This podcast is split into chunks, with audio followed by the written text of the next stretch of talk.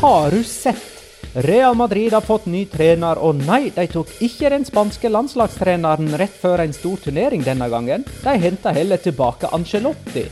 Dermed måtte det spanske landslaget finne andre dramatiske problemer rett før EM, og Busquets tok ansvaret med å skaffe seg covid-19 og sendte hele troppen i isolasjon. La liga loca. En litt gærnere fotball. Ja, ja, ja. Dette er La Liga Loca episode 168 av det ordinære slaget med Jonas Giæver i Oslo sentrum. Hei. Shalom in the home. Magnar Kvalvik på Bjerke. Hei. Halla, Magnar. Og, Hei, Magnar. Hei. Og Petter Wæland i Spydeberg. Hei. Hallo. Hei. Dette er vår siste episode før eh, EM. Er, eh, er, er, gledes det til EM? Ja, det gjør det. EM er eh, Eller mesterskapssommer er alltid kjempegøy. Eh, Så det gjør det. Og mm, jeg tror det kan bli et ganske åpent og spennende mesterskap òg. Så mm, her er det tipp topp, tommel opp. Og så når man er ferdig med EM, så er det jo bare én til to kamper fra Copa America som venter i tillegg, så dette er jo eh, Dette er terningkast seks-sommer. Spørs om, spørs om Copa America spilles, det, da. Det er jo fortsatt ukjent, egentlig. jo da, men eh, det lever vi fint med. Hvis eh, Copa America blir noe av, eh, når blir det noe av det? Akkurat samme tidspunkt som EM. Ja, det går Så parallelt, altså. fem dager før mesterskap starter, så vet man liksom ikke. Dette er litt sånn som sånn der eh, La Liga anno 2013-2014. Fem dager før det egentlig skal starte, så vet man ikke om det egentlig starter. Nei, bare det, Dette er Sør-Amerika i et nøtteskall, Petter. Dette er Sør-Amerika. Jeg venter bare på at de flytter hele faenskapet til Santiago Bernabeu nå. ja. Flytt gravemaskinene, det skal spilles mesterskap. Hva er vertsnasjonen for Copa America nå? Ja det, ja, det er godt at du sier nå på slutten der, for det har endret seg ganske mange ganger i løpet av veldig kort tid. Nå har det vel falt ned på at det blir Brasil, men brasilianerne selv ønsker ikke å spille mesterskapet. Så øhm, det ender vel med at, uh, at det blir i Brasil, og at øh, det eneste landslaget som vel har sagt 100% at ja, vi vil spille, er Argentina. Og det er vel fordi Argentina øyner en mulighet til å vinne Copa America, fordi Brasil ikke skal være med. Er på walkover hvis de er det eneste som stiller til start. Det hadde jo vært litt sånn gøy at det eneste mesterskapet Lionel Messi vinner med Argentina, er et mesterskap der Brasil velger å ikke delta. Uh, men, uh, men ja, nei, det, det ser ut til at det kommer til å spilles i Brasil. Uh, ja, og så får vi nå se da om, om de faktisk eh, velger å gå i gang med det mesterskapet. Jeg la seg en plass at eh, Brasil skulle være med, mm, men det er mulig det ikke er helt sånn eh, offisielt eh, det virker ganske rotete. Men hvis uh, alt uh, skjer, da, så kan vi liksom se på EM fra klokka tre til elleve, og så bør den gå i gang med Copa America fra sånn elleve til Fire Tja. på natta. fire. Mm. Ja. ja. Det blir lange dager. Men uh, fotballentusiaster har jo lange dager. Det, det, det koster å være fotballinteressert. Koster å være kar. Koster å være kar.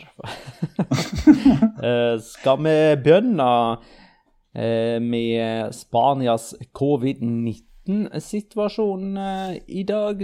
Da Busquets fikk altså påvist eh, covid-19. Dette ble offisielt i går, søndag eh, 6. juni. Og hele troppen er jo da selvfølgelig i isolasjon. De skulle spille privatlandskamp mot Litauen i morgen, tirsdag 8. juni, men det blir det altså U21-laget som gjør. All fellestrening utgår jo for Spania eh, ei uke før de skal spille sin første EM-kamp mot Sverige i eh, Sevilla. Hvordan eh, ligger de an, eh, sånn egentlig, disse andre spillerne, Petter? Jeg Sist jeg sjekka, så hadde de andre testa negativt på covid-19. At det var bare Busquets som var positiv. Ja, det er riktig. Eh, Busquets var som sagt den eneste positive, og han ble jo da umiddelbart fjerna fra resten. Og ble vel eskortert tilbake til Barcelona, hvis jeg ikke har eh, misforstått det helt. Eh, og han er naturligvis i isolasjon. Han er jo i ordentlig isolasjon fordi han har fått påvist, mens resten er da isolert fra omverdenen for å ikke ha kontakt med noen andre i tilfelle denne smitten har begynt å spre seg. Um, det viser seg jo ganske sjeldent, egentlig, heldigvis, at sånne tilfeller betyr utbrudd. Eh, man har hatt noen få tilfeller. Man har, man har hatt langt flere sånne enkelttilfeller som man nesten får håpe for Spania sin del at uh, Busquets er. Uh, hele gjengen tok jo da en ny PCR-test i dag, mandag på morgenen. der foreligger nok svaret sånn cirka rundt det tidspunktet denne podkasten her kommer ut. Så for alt vi vet, så er det fullstendig harakari og EM er avlyst for Spania sin del med elleve positive koronatester når denne kom ut men forhåpentligvis eh, så får man eh, håper jeg, eh, senka skuldrene og tenkt at det, det bare er Busquets. Og så vil jo hans eh, tilstedeværelse i EM avhenge av hvor lang tid han bruker før han tester negativt to ganger. Nå er det jo Jeg vet ikke om dere har fått med dere den minilocoraen som har oppstått nå i spansk fotball den siste halvtimen. Det har jo skjedd noe så rart som at uh, Celta Vigo har uh, bekreftet på sine sider at uh, Bryce Mendes er kalt opp i den spanske landslagstroppen. Og så har de sletta tweeten og fjernet artikkelen fra nettsiden sin. så de har tydeligvis kanskje tatt en forhastet beslutning der, hvor de har bekreftet at Bryce Mendes har blitt ringt på Mykonos, der han er på ferie, og fått beskjed om at han må tilbake til, til Spania for å delta i den spanske landslagstroppen. Men siden så har alt sammen blitt slettet. Det er ingenting som ligger på siden til det spanske fotballforbund. Eh, sist gang jeg sjekket, så var det ingenting som lå på siden til Celta Vigo. Og tweeten til Celta Vigo er også slettet. Så hvorvidt Breis Mendes nå har eh, hastet til en flyplass for å så beskjed om at du, kan ikke du bare bli sittende der et par timer, bare vente på hva som skjer videre, det vet vi ikke. Eh, eller om han faktisk da er blitt kalt opp, og eh, at det spanske fotballforbundet heller har lyst til å bekrefte det selv. Det, eh, blir dette her eh, kanskje da Brais Mendes sin eh, variant av Keylor Navas, som vel òg for noen år tilbake satt og venta og venta og venta og venta og venta på en flyplass uten å vite helt om han skulle bli solgt eller ikke? Var ikke det i forbindelse med David De Gea Fax Gate for noen år tilbake, Jonas? Jo, det stemmer det. Og, um det var da han eh, gjennomførte medicalen sin til Manchester United på Valdebeba, så lå og gråt mens han måtte signere for uh, Manchester United mens de gjennomgikk medicalen på treningsfeltet til, uh, til Real Madrid. Men nå Eh, nå har det kommet en melding her. Det er bare litt sånn, bare for å ha tatt det. Eh, nå har det spanske fotballforbundet bekreftet at Rodrigo Moreno, Paule Fornals, Carlos Soler og Bryce Mendes er blitt hentet inn for å være med og trene med gruppa. Eh, så da har man på en måte tatt de forbehold man trenger da, hvis det kommer noen flere utbrudd. Da må vi nesten regne med at de fire er de som på en måte er de neste på lista, hvis det er noen flere som skulle um, uh, ja, teste positivt for covid-19 da, underveis. Så det, selv om det er jo en form for risk, det òg, å hente inn flere spillere som potensielt sett er, er uh, smittet. Vi vil jo regne med at de, blitt, uh, blitt testet før de kommer med, men uansett der er bekreftelsen fra det spanske fotballforbundet. Så det er tydelig, tydelig da at uh, Celta Vigo har uh, ansett det som at uh, Breis Mendes er kalt opp i landslagstroppen og skal spille EM. Det er visst ikke tilfellet. For Luis Henrique tok jo bare ut 24 mann i sin tropp. Han var jo den eneste trener som ikke brukte hele kvota på 26. Eh, men eh, blir det vaksinering nå, eller på onsdag? Det eh, blir jo rapportert om at spanske myndigheter godkjente vaksinering på den spanske troppen før EM, med Johnson Johnson-vaksiner, intet mindre. Ja, og det er det jo veldig mange som Det blir jo selvfølgelig utelukkende reaksjon på denne positive koronatesten til Sergio Busquets. Da blir det jo selvfølgelig sånn Ja, men dette hadde ikke skjedd hvis. Eh, men det har jo vært en debatt ganske lenge nå, litt sånn som det har vært eh, i Norge. Det har jo vært tendenser til det om eh, man skulle si, prioritere eller la folk snike. Altså, folk har veldig mange forskjellige ordleggelser rundt akkurat det der. med eh, norske OL-deltakere og støtteapparat osv. om de skulle få lov til å få vaksine tidligere enn hva eh, deres helse- og alderstrinn eh, si, egentlig skulle tilsi. Sånn har det jo vært i Spania òg. Der falt de ned på at eh, fotballspillerne som skulle til EM, ikke skulle bli vaksinert. Men eh, det virker som at eh, denne Busquets-saken har gjort at de enten så har de endra mening, eller så har de rett og slett bare blitt pressa tilsvarende at nå skjønner de at nå må de nå må de ja, gjøre sånn som opinionen ønsker for ikke å uh, tape stemmer. For det er jo det politikere flest er opptatt av. Ja. Litt usikker på hva eh, Nå er jeg, framstår jeg sikkert ikke sånn kjempeklok, men siden man likevel kan bære koronaviruset og smitte andre selv om man er vaksinert, så lurer jeg litt på hva slags hensikt det har å vaksinere spillere eller folk i den aldersgruppa. For det er jo ikke de som blir sjukest uh, ved covid-19 uansett. Altså, jeg mener, den, span den, spanske troppen kan jo smitte motstanderne sine selv om de måtte skulle være vaksinerte. Jo, men eh, altså, prosentsjansen for at det skjer, minsker jo betraktelig. Man blir ikke immun, og man blir heller ikke ikke-smittebærer, men eh, risikoen for at du smitter noen eh, Igjen, her eh, jeg er heller ikke noe ekspert. og Dette, dette er ikke vårt felt. Nei, nei, men allikevel. da, typ 80-85% mindre sjanse for å smitte videre om du skulle få koronaviruset i kroppen. Okay. Skal vi, ta oss, skal vi ta og ringe Espen Nakstad, kanskje, og få en eh, eksklusiv episode med han? Ja, det kunne vi godt ha gjort. Skal vi, skal vi eh, bare ta utgangspunkt i at dette her kommer til å gå bra, eller er situasjonen så dramatisk at uh, det spøker for Sverigekampen? Da må det bli et utbrudd i så fall. Eh, og da har jo Uefa sine eh, klare protokoller for hva som skjer hvis som at eh, dersom at det. De har vel nå vært ute med at eh, 48 timer er liksom maksimalt slingringsmonn, holdt jeg på å si. De kan utsette en kamp i to døgn, men ikke mer. Eh, og hvis det går over disse 48 timene, så er det jo da det mannskapet eller det landslaget som har et koronautbrudd, vil da tape kampen med 0-3. Den kampen mot Sverige er vel på søndag, ikke sant? Er det søndag eller mandag? Det er nesten ei uke til. Jeg tror det er mandag. ja. Da er det ei uke til. Eh, og da tenker jeg, Hvis det nå kommer ei rekke med positive La oss si at det skulle komme sju stykker, da. ok, Men da skipper man de sju ut denne treningsgjengen, hvis de tester negativt, så blir de en del av uh, troppen, og så blir kampen spilt. Da, da, går det på mange måter bare ut over Spania. Men uh, tipper det går fint, jeg. Det blir Busquets og ingen andre.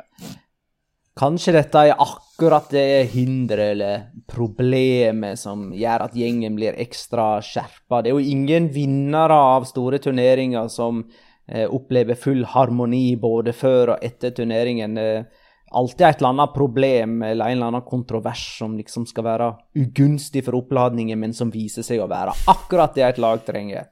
Så nå vinner Spania EM. Men det som jo faktisk er konsekvensen av dette her, er jo faktisk eh, Og det er jo det, det, smerter meg også så voldsomt å si det, men altså Ogo Giamon kommer til å få en A-landskamp eh, tirsdag kveld. Yes! Yes! Woo! Men, eh, blir dette her det laget som nettopp uh, var i semifinalen uh, at Spania røyk i U21-EM nå nylig? Ja. Det blir de det laget. røyk 1-0 mot, uh, mot, Portugal. Det blir den mm. troppen minus fire stykker. hvorfor de fire ikke er med, det er jeg litt usikker på. Kanskje var de litt for raske med å reise på ferie. Uh, ellers er det rett og slett bare det at man ikke trenger mer enn de 18-19 stykkene som er der nå. Men hvis Busquets ikke er med, og Ramos er jo ikke med, det vet vi jo, eh, så vil det jo bare være Jordi Alba som er igjen fra Spania sin siste triumf i 2012. Ja. ja, og da vil vel han òg være den eneste som har mer enn 50 landskamper. Hmm. Da kan vi vel endelig bare sette Hæ? Ja, og han vil jo da òg være kaptein. Ja, riktig. Da, da kan vi endelig sette sluttstrek for den der generasjonen som eh, var så god og bare nullstilla helt. Dette Det er jo et tiår nå, nesten, siden Spania vant noe. Jonas? Nei, jeg bare Mens vi er inne på landskamper, jeg ville bare For jeg, jeg, ble, jeg har landskampene her foran meg, og jeg skjønner ikke hvordan det her har skjedd, men Coque har faktisk 50 landskamper for Spania.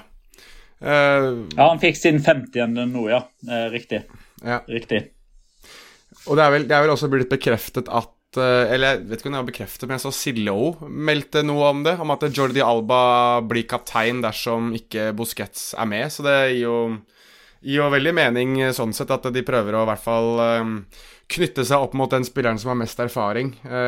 Spilleren med nest flest landskamper etter, etter Koki er jo ser ut til å være Tiago, og så har du David Echea og Alvaro Morata. Uh, så ja. Men der, det, men der tror jeg, eh, der tror jeg i landslagssammenheng så er det som i klubbfotballen, med at det, det, er ikke antall kamper som bestemmer, men tidspunktet du debuterte. Så du kan per definisjon bli landslagskaptein med kun én landskamp hvis du nå blir kalt inn igjen ti år etter forrige gang. Nei! Mm, jo. jo. men det er jo Altså, jeg tenkte på da at Jordi Alba framstår ikke for meg som eh, den ideelle kapteinen, altså. Eh, så det, det går ikke. på en slags ansiennitet, det der. De møtte Portugal uh, før helg i Spania. Spilte 0-0. Um, mm. Alvaro Morata ble bua ut av publikum. Var det du som fikk være publikum? du, vet den der, du vet den der falske publikumslyden som de legger over på, på kamper nå? Eh, det du egentlig hørte, var at publikum på stadion var muta, og det var jeg og alle kompisene mine som satte oss inn i et rom og satt og Hver gang Alvaro Morata var borti ballen. Denne kampen gikk på Wanda Metropolitano. Det var vel sånn ca. 14 000? Ja, det tror jeg var ja. tilskuere på eh, plass. Og det var vel først og fremst fordi at Alvaro Morata bomma på uh, et par store sjanser og for at han ikke var sånn kjempepopulær i Atletico Madrid, eh, kanskje. Ja, men altså, tenk deg der, det, det, er litt sånn altså Alvaro Morata er jo den spiller i den spanske landslagstroppen som er født og oppvokst nærmest Wanda Metropolitano. Han er jo Retafe-gutt opprinnelig, han har spilt for Atletico Madrid. Dette er som at Ullevål stadion skal begynne å pipe ut Mats Møller Dæhlie, liksom, som er vokst opp eh, i uh, hagekolonien ved siden av Ullevål stadion der. Ja. Uten sammenligning for øvrig. Men var den buingen kanskje et uttrykk for uh, større misnøye blant uh, spanjoler overfor denne spanske utgava, eller Nei, det var, det liksom bare Morata? Det, det, det, var, det var, selvfølgelig mishagsytring over at det ikke var Gerard Moreno som starta. Det sier seg sjøl. Nei, altså det som egentlig skjedde, var at de bua ikke. De sa 'bueno', 'bueno'. Det var det de egentlig sa. Sverre Finsland spør hvem starta for Spania i EM? Ja, eh, jeg, var, jeg, var, gjest i en annen podkast her for eh, noen dager siden, og da sa jeg at eh, i mitt sinn så er det tre stykker, maks fire, som er liksom klink, og så er resten litt sånn Ja, du kan velge han, men velger du han, så gjør det ingenting. den første var jo Sergio Busquets. som, nå er, som nå har testa positivt. Den andre i mitt sinn er Gerard Moreno, som da ikke starta mot Portugal. og så er det Jordi Alba, som nå er fra promotert fram som kaptein, da. Ja. og som heller ikke starta mot Portugal, for det gjorde jo Gaia. Og som, så, eh, som, ikke har hatt det beste forholdet til Louis Henrique. Nei, stemmer det. Ja, Men nå har han jo blitt kaptein, så den kan vi jo bare legge død. Ja, nå må han vel nesten spille, da. Siden han debuterte ja. på et tidspunkt som gjør han verdig kapteinbildet. Men, men, når det gjelder den elveren eh, mot Portugal, så var han jo òg litt speila over at de spillerne som starta kamper senest, eh, i stor grad eh, hadde diskvalifisert seg sjøl. Eh, jeg leste vel en rapport som tilsa at den eneste som egentlig meldte seg 100% klar, var Pau Torres, og det var òg han som starta. Eh, men håper jeg, sekundærårsaken der er at jeg tror at Luis Henrique har, eller hadde, et behov for å se hvordan Pau Torres og Eimerik Laporte fungerte sammen, og de fungerte kjempebra. Kan jeg bare få uh, en digresjon her nå, men, men, jeg sitter og ser igjen på den spanske landslagstroppen, og altså, vi kommer til å nå et punkt her.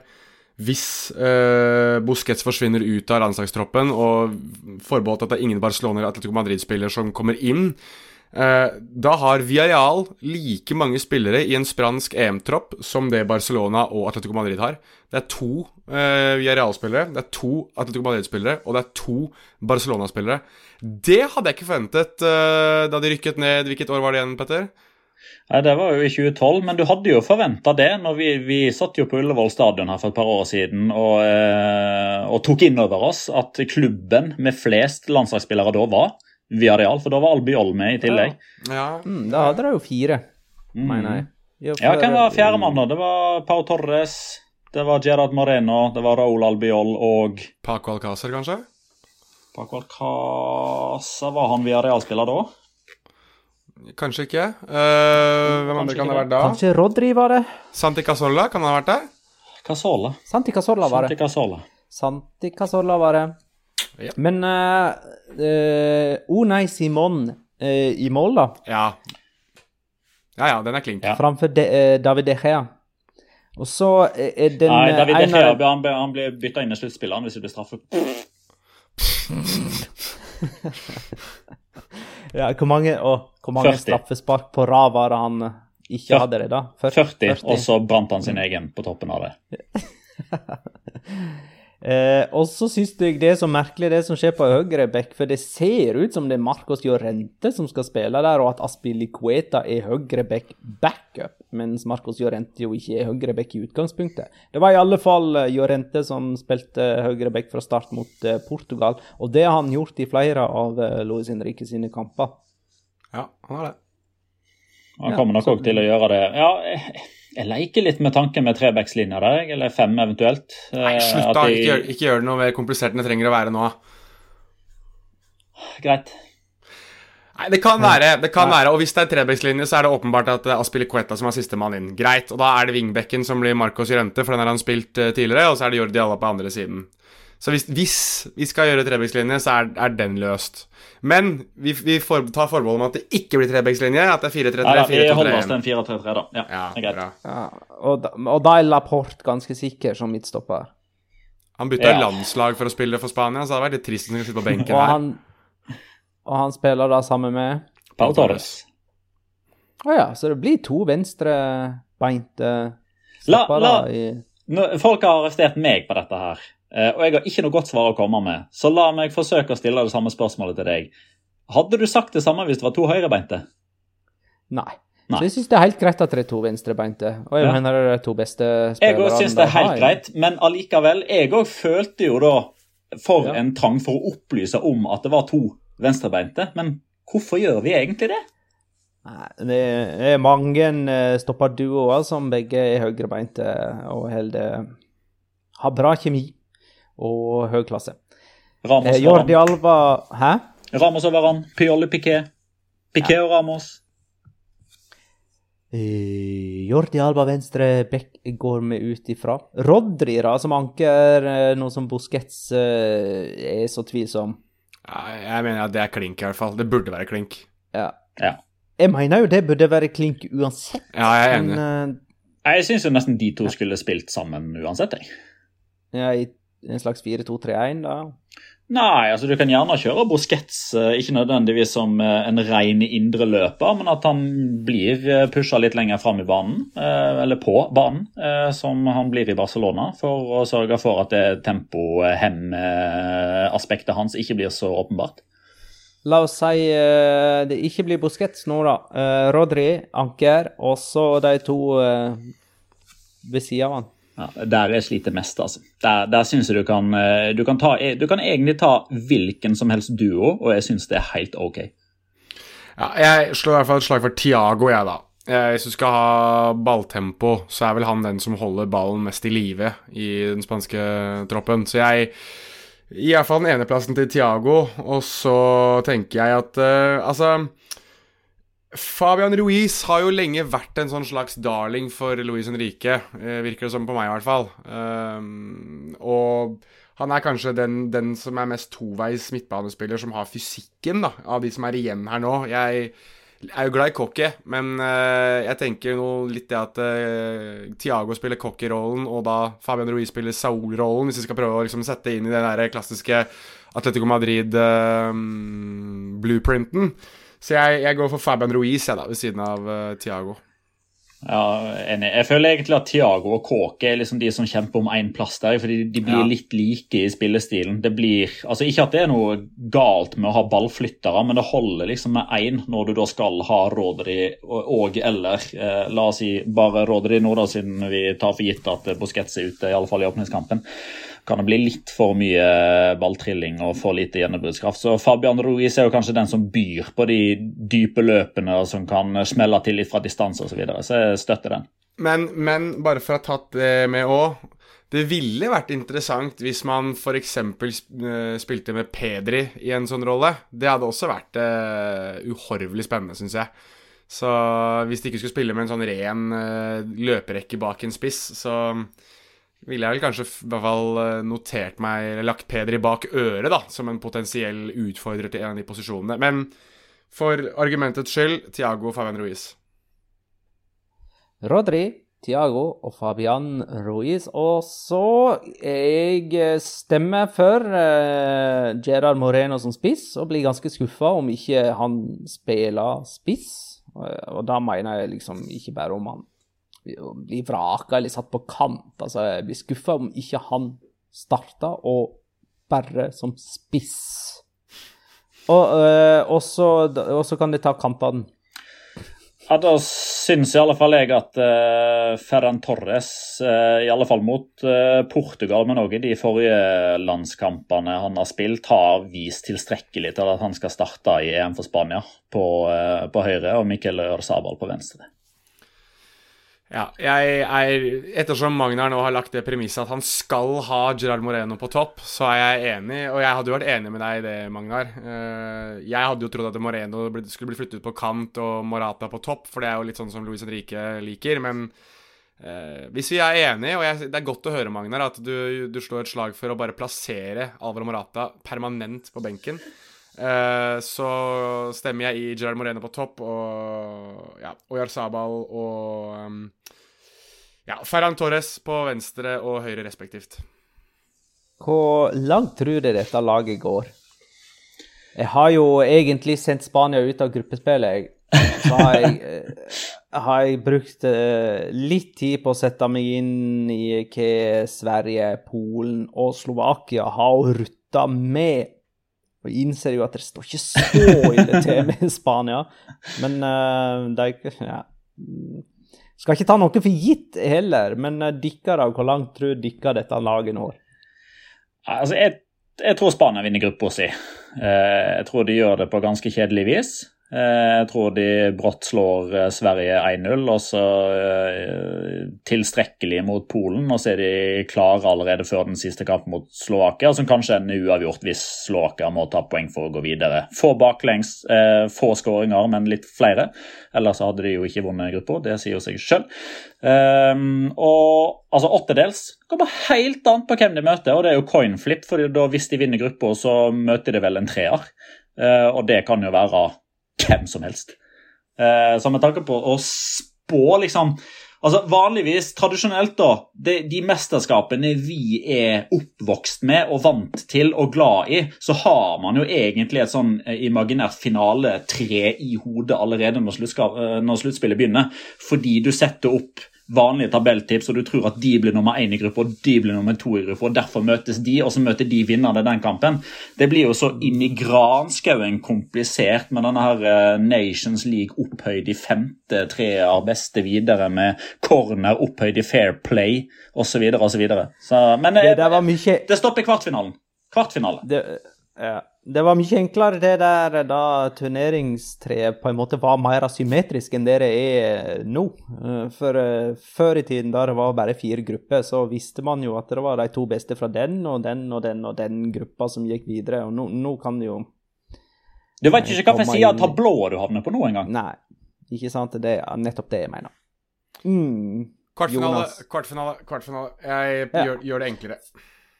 Ja, det, for det at dette laget her, det er liksom ikke på nivå i våre øyne med de, de beste. De er ikke oppe i Frankrike, Belgia, Tyskland-land.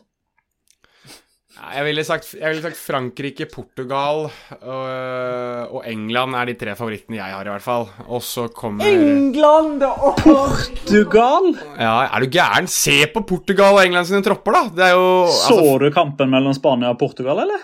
Jeg gjorde det, og det gjør jo at jeg må tenke litt, da. Eh, men eh, Man skal liksom alltid ha den herre Og eh, England tror jo alltid at de er så gode, men denne gangen så kan det faktisk ligge noe i det. Åh, Ja, men jeg, altså, jeg er jo enig med deg, men når du ser litt på hvordan England-troppen deres og hvordan de har spilt, og det at de kommer fra et mesterskap med litt tro og spil, skal spille mye kamper på hjemmebane og alle de tingene der, så mener jeg at England har, eh, har noe for seg i det mesterskapet her. Og så syns jeg ikke Spania har en spesielt god uh, tropp. Altså, det er ikke noe sånn det er ikke noe wow over den der spanske troppen. Det er ingenting jeg tenker at det er helt sånn fantastisk.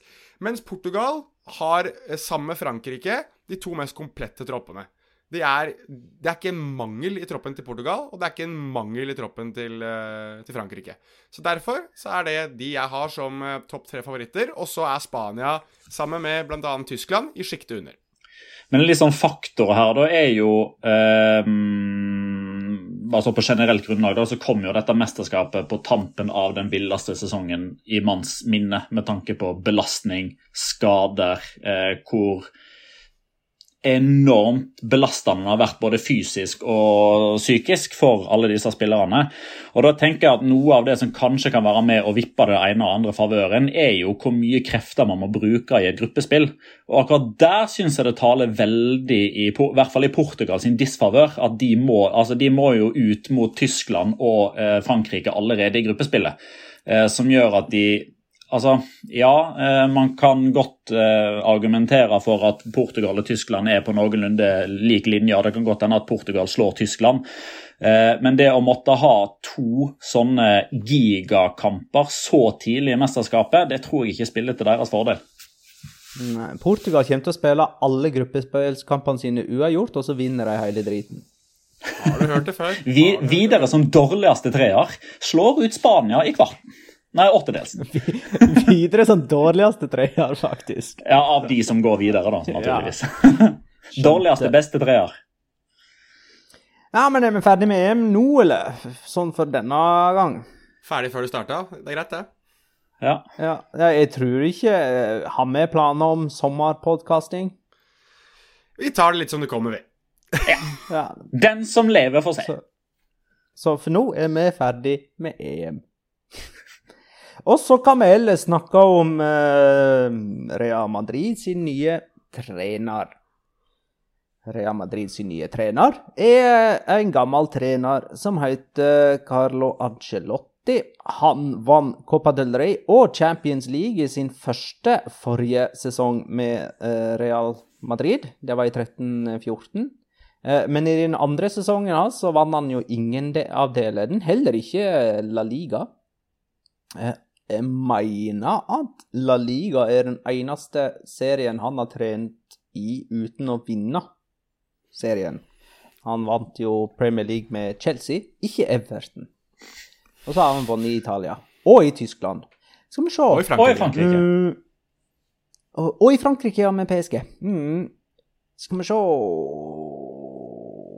Han har ikke hatt eh, Siden han eh, slutta i Real Madrid, så har ikke han hatt to fulle sesonger i noen av de klubbene han har vært i. Han eh, fikk ikke to fulle sesonger i Bayern München. Der ble han jo sparka på høsten i sesong to. Han fikk ikke sitte helt til jul i sin andre sesong i Napoli, og så kom han jo halvveis ut i forrige sesong for Everton, mens denne sesongen her så fullførte han, men avslutta sjøl, da, for at han ville heller eh, gå til Real Madrid når sesongen var ferdig. Eh, Jonas? Det er litt interessant nå at uh, både Real Madrid og Barcelona har tidligere Everton-trenere som uh, sjefer for lagene sine nå. Uh, Ronald Koeman også har jo sittet som, som Everton-boss og Gikk vel derfra til Nederland, og så til Barcelona, mens Carlo Angelotti tar da direkterute mellom uh, Mercyside og Madrid. Så det, det er en sånn artig kuriosa. Ja, dagens Barcelona-trener ble uh, erstatta av Sam Allardyce i Everton. Riktig. Og så kan vi jo bare håpe Eller vi håper jo ikke egentlig på det, da, men um, for å gjøre skaden så lite som overhodet mulig Hvis Imanol Algoasil nå skulle være uheldig få fyken, så henter jo de David Moyes tilbake igjen, og så er det en trippel der. trippel Everton. Ja, da er du Everton-triangelet. Jo, nei, men hva tror vi da? Skal vi like godt ta Santiago 98 sitt spørsmål? Hva tror dere vil være den største forskjellen på Zidane sitt Real Madrid og Angelotti sitt nye Real Madrid? Uh, vi prøver Petter på den. Jeg håper jo først og fremst uh, litt sånn for identitetens skyld da, at man får et litt sånn fast spillemønster og en klar definert taktikk, spillestil, rød tråd, som gjør at når man setter seg ned og ser Real Madrid, så har man en forventning av hva man får. Eh, jeg vet at Vi har snakka om dette tidligere, og det har sikkert blitt gjentatt til det kjedsommelige. Men altså, Barcelona fra 2009 til 2018, alle visste hvordan de skulle spille fotball fram til neste valgverde begynte å endre litt. Og så har Ronald Coman endra det igjen nå. Eh, alle vet hvordan Atletico Madrid spilte mellom 2011 og 2019, og så har Diego Simeone òg forsøkt å endre litt nå. Mens Real Madrid, ingen vet hvordan de spiller. De vinner bare som regel. Uh, og det har vært liksom uh, Siden Mourinho så har i alle fall ikke jeg sett en sånn klar definert spillestil og hatt det veldig sånn klart for meg hva er planen. Uh, Nei, så jeg håper da, man får se litt det. Ja, men da kom jo på en måte Carlo Angelotti inn som erstatteren til Mourinho og ja, ja. skulle liksom bringe harmoni og alt det der. Han skulle være fredsmegleren i et stjernespekka Real Madrid, men det var jo ingen som forsto helt hvordan de spilte. Nei, men jeg husker det, og det er jo forskjellen fra, fra da til nå, og det kan jo sikkert Jonas dra litt videre på. Men jeg mener jo huske at uh, jeg i alle fall mente at Carlo Angelotti var liksom den perfekte typen til å komme inn og overta et uh, desillusjonert mannskap etter Mourinho sine herjinger. Er litt usikker på om Angelotti er riktig type etter Zidane, fordi Zidane etterlates jo et godt inntrykk i spillergruppa. Så hans utgangspunkt nå er jo veldig annerledes. Jeg vet ikke hva du syns om det, Jonas? Nei, jeg syns det er uh, en interessant uh, betraktning. Um, litt fordi jeg lurer litt på hva er det Carlo Angelotti gir dagens Real Madrid som ikke Zidane ville gitt dem. Um, det er ikke noen tydelig rød tråd i spillestilene verken til Carlo Angelotti eller til Zinedine Zidane anno 2021. Altså Begge to har endret og vekslet mye på hvordan de har ansett fotballen. Altså Angelotti var jo i sin tid en sånn slags det man kalte den gamle juletresformasjonen med 4-3-2-1 f.eks. Den har han jo prøvd å endre litt på.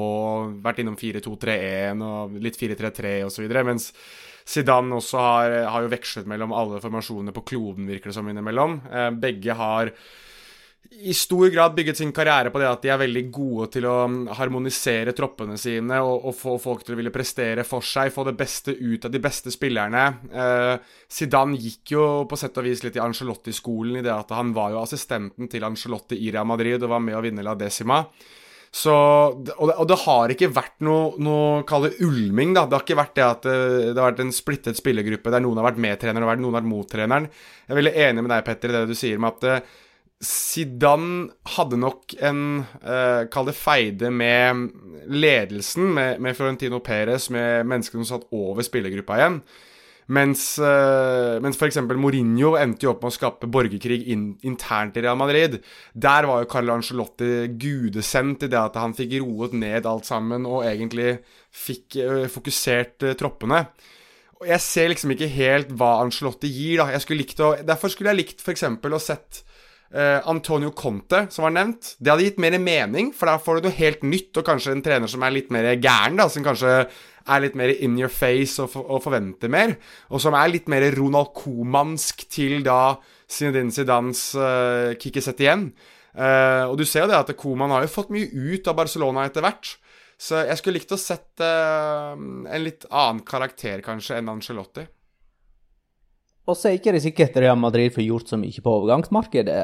Eh, men det kan jo se litt annerledes ut eh, i spillerstallen likevel, med Gareth Bale tilbake, med Martin Ødegaard tilbake.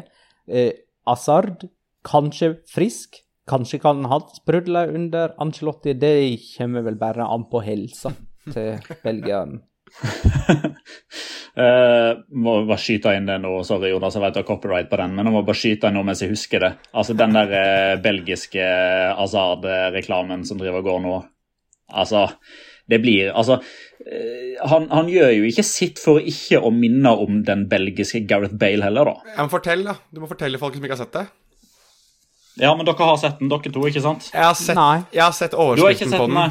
Jeg har bare ja, nei, altså det Jeg vet ikke om det er Burger King eller McDonald's eller lokalsjappa i Mechelen eller hva det er for noe, men det er en Azad og burger, iallfall. Det er kjærlighetsblikk fra Azad mot en burger, liksom. Så det er jo litt sånn eh, Golf Wales, eh, Madrid-vibber over den, syns jeg. Han gjør narr av det han blir kritisert for. Ja, jeg er veldig enig i det. og jeg har sagt det i hvert fall et år, om ikke lenger, at uh, Eder Hazard er ikke profesjonell nok til å være Real Madrid-spiller. Han er ikke en type som passer inn i Real Madrid, og det ser man jo i større grad nå. Men det jeg skulle si, da, som jo er relevant til Angelotti, det er jo at uh, det Zidane etterlater seg, Eh, det er jo en tropp som ble nummer to i La Liga, som røk ut i semifinalen i Champions League, og som man kanskje fikk fortjent cred for i en sesong som var veldig vanskelig. Men hvis man ser liksom på, på spillerstallen og hvor i karriereløpet den befinner seg, med tanke på hva slags kvaliteter de besitter hva slags potensial de har, så overtar jo han Eh, ganske mange fotballspillere som ikke er i nærheten av å nå sitt potensial. Altså Eden Hazard er én pga. at han nesten bare har vært skada og dels umotivert. Eh, en annen er jo Marco Ascensio, som er milevis under der han kan være. Rodrigo er ikke i nærheten av å få ut sitt potensial. Isco er en skygge av seg sjøl. Vinicius har begynt å bruse med fjærene, men det er lenge til han flyr, hvis han følger denne karrierestigen. Eh, Federico Valverde har vi gleda oss masse over å se og til å se videre. Altså, det er ganske mange spillere nå som kanskje trenger å få inn en trener som ikke heter Zinedine Zidane. Martin Ødegaard er en X-faktor der. En annen midtbanespiller som har vært på lån i Arsenal, som var på mange måter litt sånn persona non grata for eh, Zinedine Zidane, er jo Dani Ceballos, som plutselig kan få muligheten hvis ikke de får inn et høyt nok bud på han. Så det er veldig mange sånne spørsmålstegn som driver og virrer i lufta her nå, og så regner jeg med at nå som eh, landslagssamlinga er over for, eh, for, Norge og Ødegaard sin del, og han befinner seg i Spania og Angelotti er i hovedstaden, så jeg regner med at det ikke tar så lang tid, om ikke det har skjedd allerede, at de setter seg ned, og at han får litt signaler på om han skal være med videre eller ikke. Skal vi anbefale Ødegaard å bli værende en hel sesong i Real Madrid nå? Slå seg til ro, liksom. Finne sin plass. Ja, mitt korte og ukompliserte svar er ja.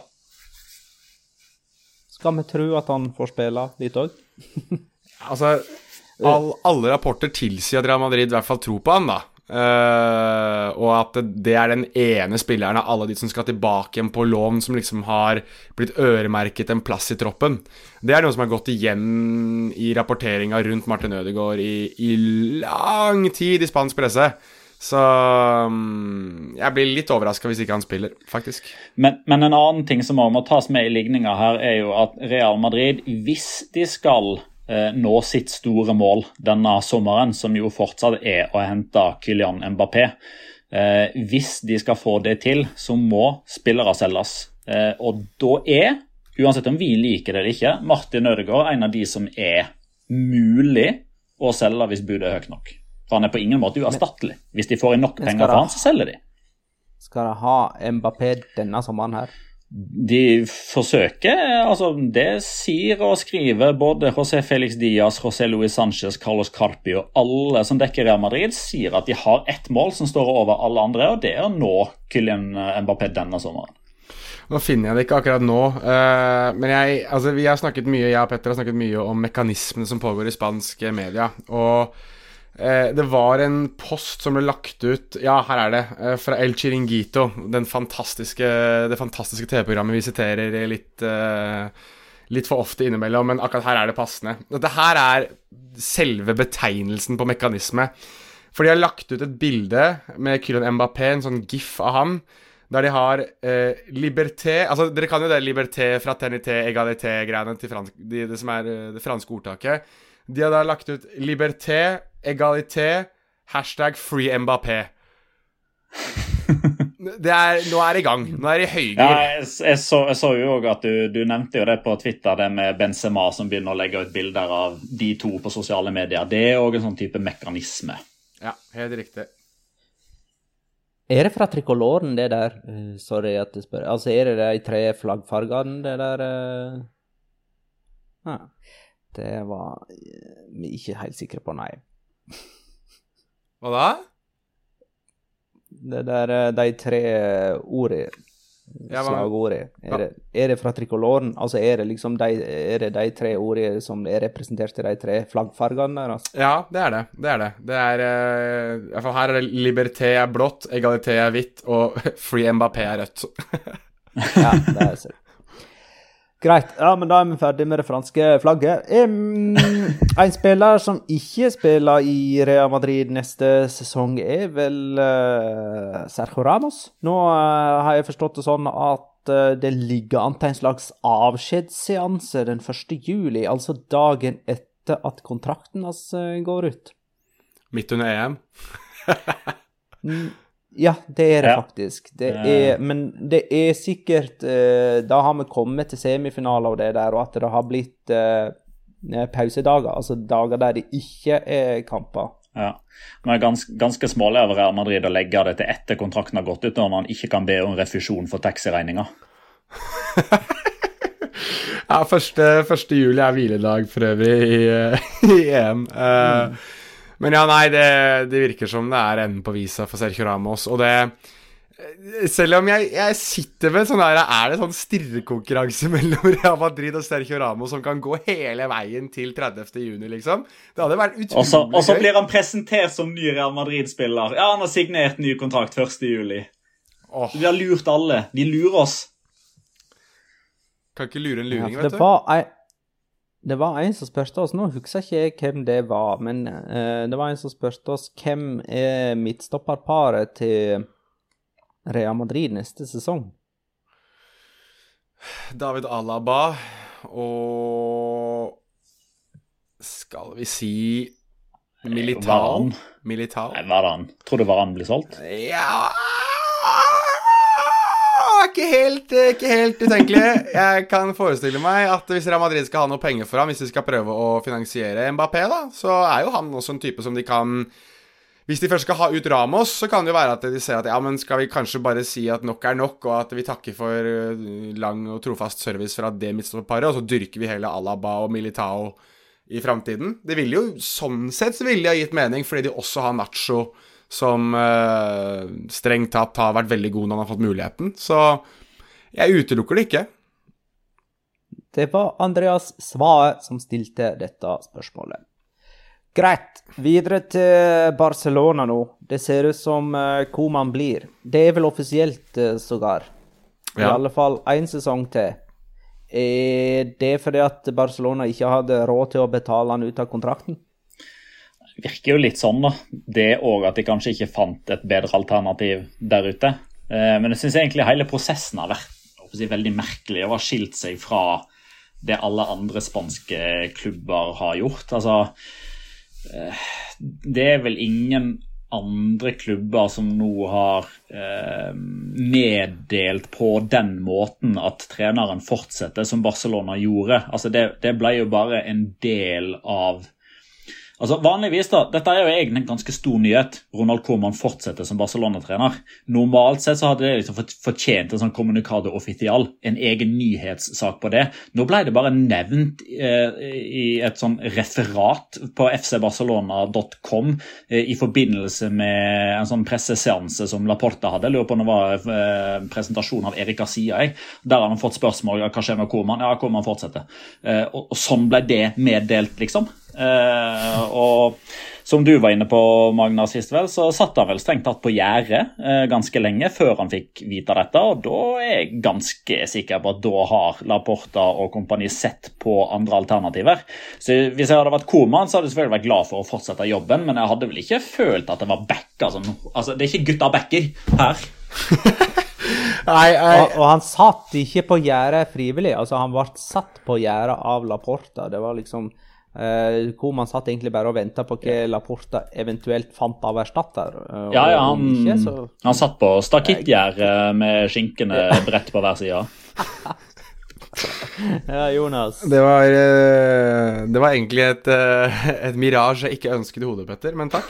Eh, nei, jeg- bare noterte meg at eh, Wassermann, eh, altså den nederlandske mm, eh, Hva skal jeg kalle det for noe? Altså Det der agentfirmaet som representerer Ronald Coman, var jo ute på Twitter og tvitra litt grann sånn kryptisk om akkurat det der med at uh, uh, det, det er ikke akkurat fint å si til hun du er forlovet med, at jo da, vi skal gifte oss, vi, men jeg må bare gå ut og se om jeg finner noen som er bedre før vi faktisk gifter oss. Ehm, Det kalles utdrikningslag, det, Jonas. ja, ikke sant. Det, sånt vet jeg veldig lite om. Men ehm, Men eh, Nei, jeg bare noterte meg at det var tydeligvis ikke så veldig god stemning, da. At uh, Koman eh, og hans agent, agentur, eller de som representerer han, ikke var helt eh, happy med, med prosessen. Og det er jeg jo egentlig enig i. Ganske uproft sånn egentlig å si til Koman at du må vente, for vi skal bare se om det er noen bedre enn deg der ute før vi faktisk gir deg en ny kontrakt. Spesielt med tanke på måten han avslutta sesongen på. Da burde de vel kanskje rett og slett bare ha eh, ja, kommet til et kompromiss der han hadde forlatt Barcelona, og så hadde de gått ut på trenerjakt. Men her var det liksom Nei, jeg, jeg syns Når det kommer til rare prosesser i Barcelona, da, så er det liksom en sånn evig greie som man egentlig aldri blir ferdig med. Det er liksom mesk en klubb innimellom. Eh, Wijnaldum ser ikke ut til å bli Barcelona-spiller. Nei, der har du enda en prosess som er rar. Eh, for der har, du, der har Barcelona igjen følt at de har eh, De har virka som de har trodd de har hatt eh, en avtale. Det virker som de har hatt en avtale. Og så har jo da Barcelonas evige eh, nemesis, Paris Saint-Germain, sneket seg eh, inn i diskusjonene og klaska en del eh, flere frank på bordet enn det Barcelona kunne finne pesetas. Og dermed ble det Virker det nå, da. Jeg ser at eh, bl.a. Fabrizio Romano sier at nå har han til og med signert, og da blir det ikke noe eh, Ikke noe Gini Wijnaldum til, eh, til Barcelona. Men eh, de skal jo si seg jeg, jeg ville nok sagt meg fornøyd med det at de har fått Aguero på plass. De har fått Erik Garcia på plass, som jeg tror er jo to av de posisjonene der, der det har blødd aller mest, altså på spissplass og på stoppeplass. Og så ser det ut som de også klarer å få Memphis Depay på plass. Så da har, litt, eh, da har de Martin Braithwaite-erstatteren der. Og så også Emerson fra Ja. Real Betis. Så nå har han en høyre back backup òg. Riktig. riktig. Altså, uh, Gina Wijnaldum-sagaen, i, i den grad vi kan kalle det for en saga, i og med at det ikke varte så veldig lenge, det er jo egentlig perfekt sånn pensum til en sånn uh, mattelærer som er fotballinteressert, som skal bruke sånne realistiske ting som har skjedd i virkeligheten, i matteoppgavene. Uh, Gina Wijnaldum ble tilbudt x antall kroner for å spille for Barcelona. PSG kom og bytte x ganger to. Hva er x? Det er sånn uh, mattestykke som de kan uh, sette opp med rot i virkeligheten. Eh, noen eh, Barcelona-spillere som er på vei ut. Eh, Junior Firpo har vel ikke mye framtid der. Hvordan er det med Miral Pjanic, egentlig? Altså, Ja, det er jo bare, det er bare pja, kan det da umulig bli? Ja. Eh, og så Sergio Roberto er på vei bort. Samuel Ja. Omtiti. Og, og så Ja. Om Også Og så uh, Osman Dembélé har ikke kommet til enighet om en ny kontrakt. og nå blir, Det blir sagt i spanske eller Barcelona-orienterte medium at eh, hvis ikke han kommer fram til en ny kontrakt med Barcelona innen EM er over, så blir han satt på tribunen neste sesong. Hyggelig. Mm. Men det er jo bare rene spekulasjoner, selvfølgelig. Skal vi snakke om uh, den siste eh, La Liga-brikka til eh, neste sesong, da. Det blir jo enten Rayo Vallecano eller Girona, siden La Liga playoffen eh, pågår i disse dager. Rayo Vallecano slo Liganes over to kamper med 5-1. Girona slo Almeria over to kamper med 3-0. Og disse to uh, møtes da de to neste søndagene for å avgjøre hvem som rykker opp. Dette var jo uh, de to lagene som endte nederst uh, av playoff-laget. Altså, Rayo Vallecano avgjorde, eller sikra seg playoff-kamp i, plass i siste serierunde. Jeg, skulle til å, å poengtere det, der, for det er ikke rent sjeldent at det er liksom sjetteplassen eller til nøds femteplassen som, som rykker opp. Altså Elche ble jo nummer seks forrige sesong. Jeg husker Uesca eh, Nei, hva eh, Osasona eh, rykka opp igjen til La Liga i sin tid etter å ha vært på sjetteplass. Eh, Valladolid rykka opp eh, etter å ha vært nummer fem. Las Palmas ble nummer seks det året de eh, rykka opp. Eh, og det er liksom ja, jeg vet at det er ganske mange, og det begynner egentlig å bli flere og flere som tar til orde for det. At akkurat denne med den playoffen må de liksom få bort. Fordi altså, man blir liksom ikke premiert i noe som helst grad av å bli nummer tre. Altså Leganes, f.eks. Ja, de blir premiert med å møte i Vallecano, og det ender opp med at de ryker 5-1, liksom. Eh, kontra det å faktisk være det tredje beste laget rykker opp. Jeg forstår det når det er sånn opprykksplayoff og nedrykksplayoff i ett. Sånn som det f.eks. er her i Norge, når 14.-plassen i Eliteserien møtte det laget som eh, da blir rangert som tredje best etter playoff, riktignok i Obos-ligaen. Eh, og sånn som det er i Tyskland og sånn som det er i Frankrike. Men her er liksom de tre øverste i La Liga går ned, og så er det de to øverste pluss én av fire. Eh, det skurrer litt, altså. Få vekk den der playoffen. Spesielt når det ikke er lov med straffekonk. Hva er det for noe tull? Det er ikke lov? Nei, nei. Hvis det er en uavgjort etter 120, så er det det laget som endte høyest. Så der er jo en form for premiering, da, men allikevel. ja, der, der, kommer jo faktisk belønningen for å belønningen. øverst på tabellen. Ja, Det kom for, kom for, øvrig en liten sånn småtrist nyhet eh, nå, så jeg, fra Elche, om at eh, Nino legger skoene på hylla. Det er jo eh, da får ikke Petter noen muligheter å, til å loggføre noen ny statistikk på eldste sånn og eldste sånn og eldste sånn. Så det kom ja, det for trist. 32 minutter siden så står det at han har annonsert at han legger, legger, opp. Så da Mens vi var inne på Elche, så tenkte jeg at jeg kunne nevne den. Danit Danitello vil at vi skal snakke om Español. Español og Mallorca har jo uh, rykka opp. jeg tror Danitello ja, tipset blir å smøre seg med tålmodighet. For vi kommer vel til å kjøre en presentasjon av Español før neste sesong starter, eller hur? Vi har jo for så vidt gjort, eh, gjort det en gang før. Eh, jo, men, litt men mer, det er nå to år siden nå. Ja, litt mer eh, relatert til dagens spillertropp. Selv om riktignok en god del av de som var i klubben da, fortsatt er der. og Español ser bra rusta ut, altså. Eh, jeg kommer til å si det mm. allerede nå, jeg, at jeg kommer til å ha Español på øvre halvdel på det tipset. Nei, nå må du slappe av. Jo, men eh, jeg tenkte litt det samme. Danitello skriver jo til oss da hva han mener med at eh, de bør styrke seg for å bli værende i La Liga og unngå nedrykk igjen. Og jeg tenker liksom, er ikke dette her laget egentlig sterkt nok til å holde seg over vel så det? Jo.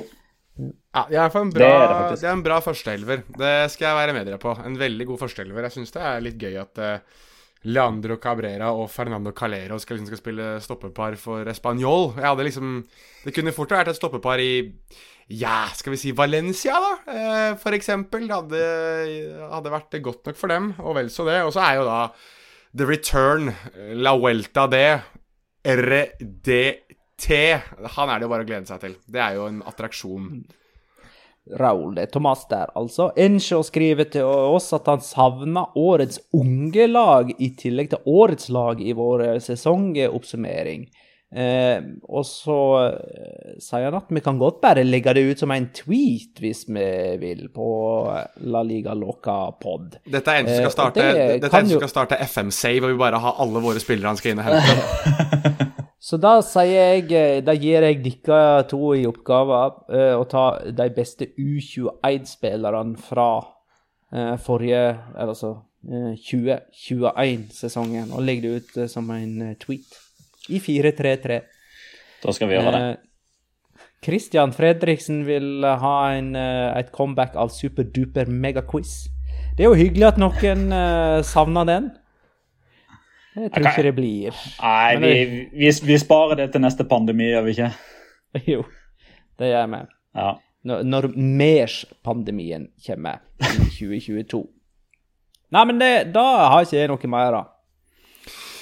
Nei, jeg satt og tenkte på det nå, om det var noe vi måtte, vi måtte drøfte, eller Jeg kan jo gratulere, gratulere Petter med hans enormt lange gåtur, og for de påfølgende gnag, gnag og- eller kjøttsårene som har fulgt med. Vi som lurer på hva jeg refererer til. Det ligger, det ligger tråd ute på Twitter, så det er ikke noe de som vet i vet-opplegg der. Men gratulerer. Veldig godt jobba. Jo, Ja, gratulerer, Petter. Bra jobba. takk. Det var hyggelig. Ganger to.